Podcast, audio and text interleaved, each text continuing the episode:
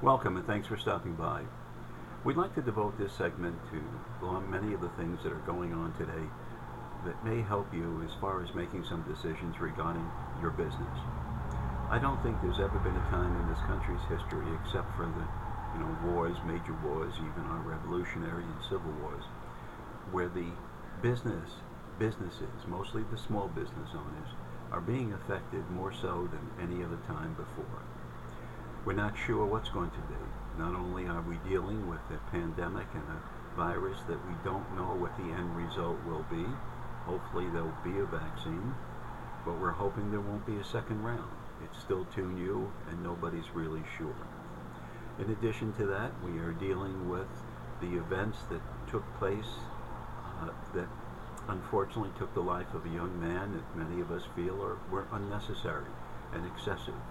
And as a result, people have had it and they're showing and expressing their voices and their opinions. In many cases, there are many of us that believe that government's response is not appropriate, that there are too many who are silent, and unfortunately, we're not sure what the change or the results will that, of that will be. But business owners and we've said this many times in the past, that the business of America is simply business. However, never before have we had so many things to deal with at one time. And as business owners, we know that in different parts of the country our businesses are opening up. But we have all these decisions to make. If you own a restaurant, what are you going to serve? How much are you going to spend to buy it? Do you have the cash? Can you buy the things that are necessary? Can you survive with a smaller number of people coming in?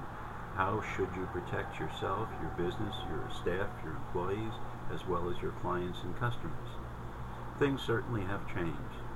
Many medical practices are now seeing routine visits via Skype or what do they call that, um, Zoom, or even now one of the other major companies now has one. And that certainly has changed the arena as far as us having to get into a car and maybe exposing ourselves to things that we don't want to be uh, exposed to, the virus or being involved in something that we just don't want to deal with. But unfortunately, we still have to do the one thing that businesses have done since the beginning of time. We have to find a way to successfully promote our business. And these are our thoughts on that social media is still there. It doesn't have to be expensive, but it does take some thought.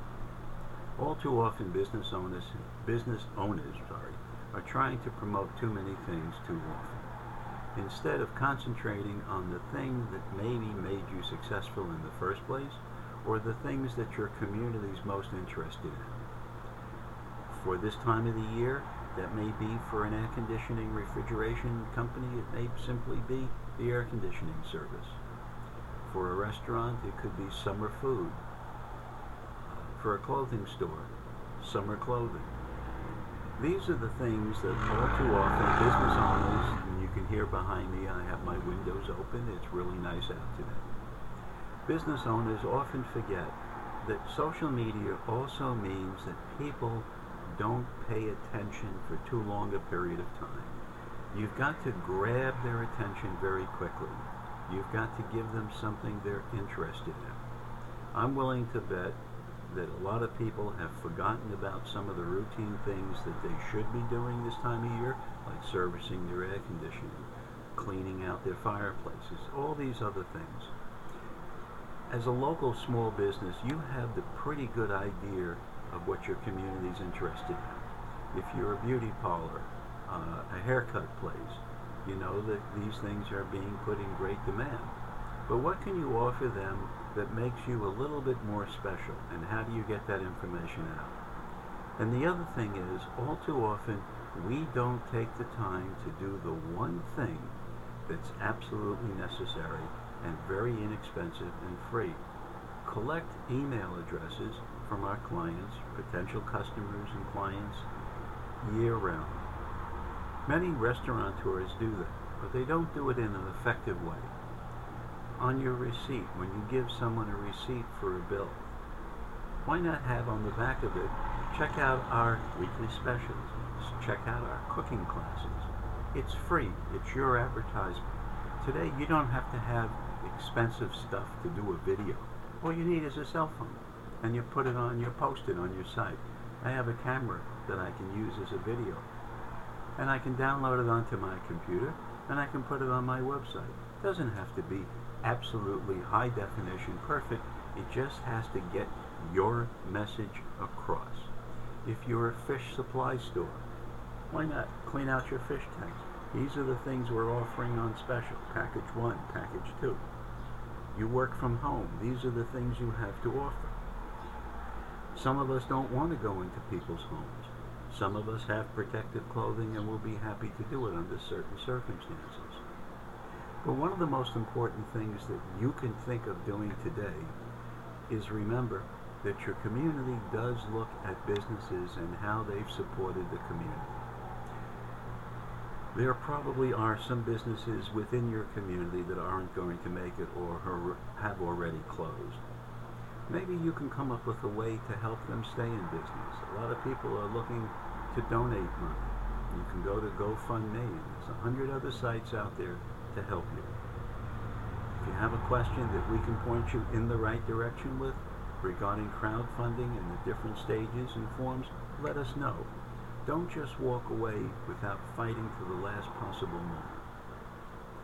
Crowdfunding works, especially if you're honest, sincere, and verifiable in what you want to do and why you want to do it. Social media works, and you can use free social media. In fact, one of our websites is a free site, and it's been very productive for us. So, if you have a question, we can give you some ideas to help you out. There's no charge, no cost. Email us.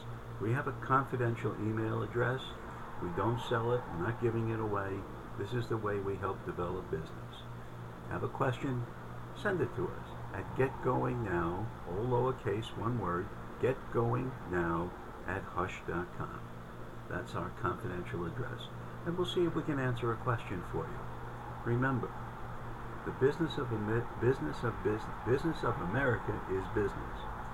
But on the local business, it's your local community that will help you to succeed. And don't forget about that. Give them what they want. A friend of mine once said years ago, what you want I have plenty of, what you don't want I ain't got. We wish you the best of luck. We wish everybody a best of luck. And although we haven't been out there as much as we should, we also took a knee because we think it's important that the right to freely and peacefully express your opinions and your view is one of the most amazing part of that one piece of paper that no other nation on earth has, and that is our Constitution, fought for and paid for by the blood of our ancestors and men and women from all over the world and all kinds of colors and religions and national origins. So remember, peacefully protesting is the right of every American citizen. And I want to repeat that.